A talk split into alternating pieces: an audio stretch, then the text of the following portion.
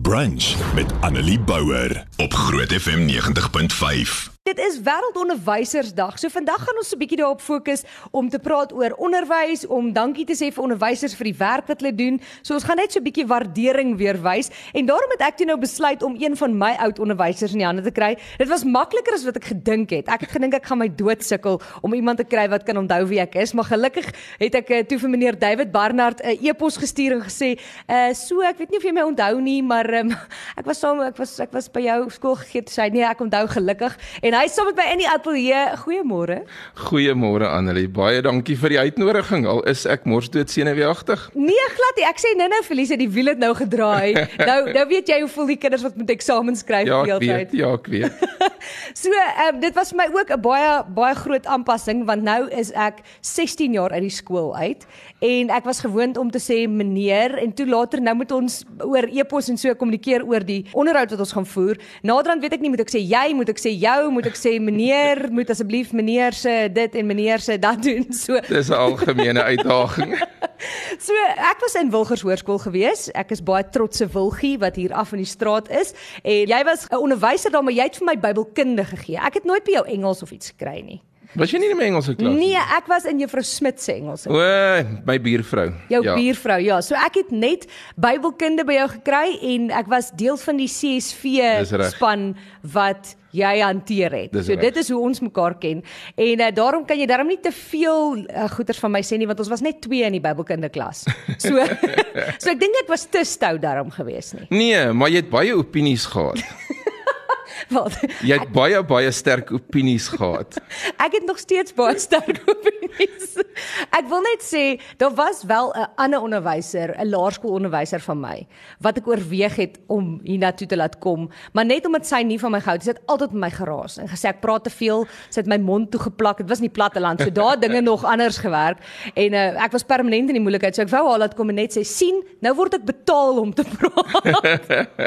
en sy het altyd gesê ek moet stil bly, dan gaan nooit 'n werk kry nie. Kom ons praat so 'n bietjie oor onderwys. Jy's nie meer by Wilgers Hoërskool nie, jy's nou in Centurion. Hoërskool Centurion, dis reg ja. En uh, eh, adjunkhoof. Dis reg ja. Uh, baie belangrik dat ek nou net mooi dinge hier reg kry.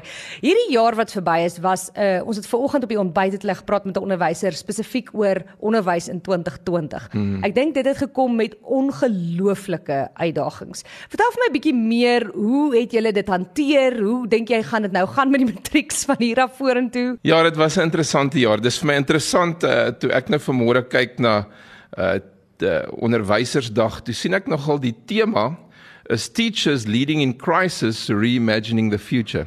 Jep. En dit is regtig wat hierdie jaar gebeur het. Ehm um, ons het 'n week voor die skool gesluit het uitgevind dat uh die skole gaan vroeg toemaak. Ons het nie geweet wanneer ons weer gaan oopmaak nie en ons moes planne maak. So ons het so vir die eerste paar weke het ons net huiswerk op 'n uh, um, D6 platform uitgegee en agter die skerms moes ons beplan vir wat gaan ons doen as die skole nie weer oopmaak nie. En om 'n lang storie kort te maak, is ons met uh, MS Teams is ons volledig aanlyn gegaan en skool gegee. Uh, ons het 'n volledige skoolrooster gevolg vir 'n hele klomp maande. Ja. Die graad 8 se 9 se bietjie langer as die res want die res het so bietjie vroeër teruggekom. Ehm um, en erns in die pro proses is die uh syllabusse verander, die kurrikulum is gesny en ons moes daarbey aanpas.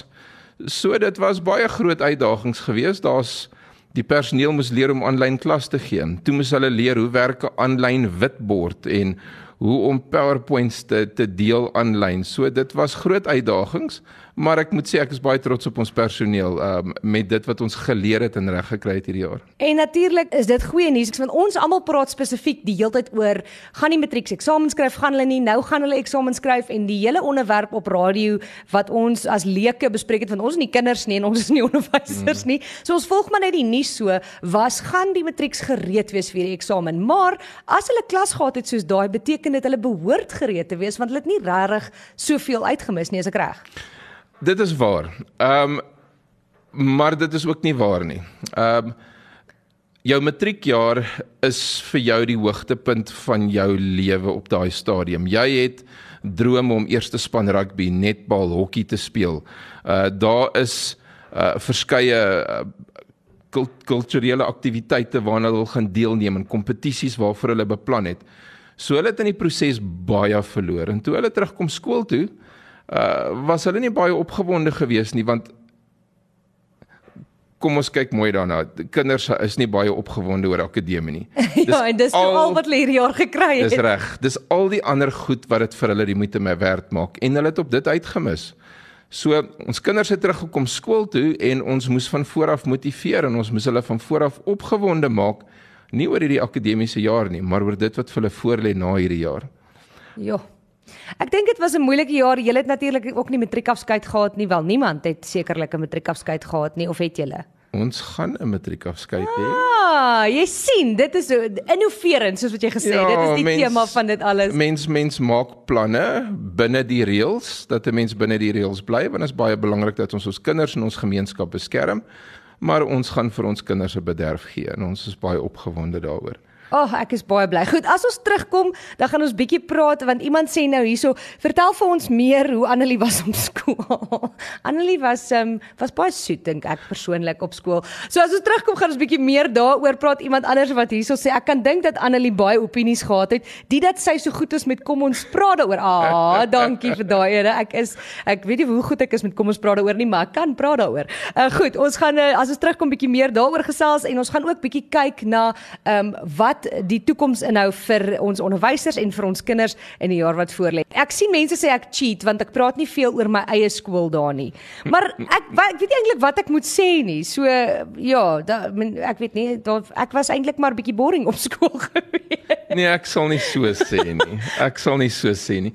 Jy was nou nie een van die stoute kinders gewees nie. Dit Glad is waar. sien, dit is waar. Ehm um, maar ek het jou leer ken by die CSV en uh toe het jy in graad 10 het ja. jy besluit om Bybelkunde te vat en toe nou vir die volgende 3 jaar was jy was ek en jy toe nou saam in 'n Bybelkunde klas gewees. En daar het jy baie sterk opinies gehad. Die as 'n mens die Bybel wil oopmaak en jy wil kyk na interpretasie, dan is daar baie verskillende maniere om sekere goed te interpreteer.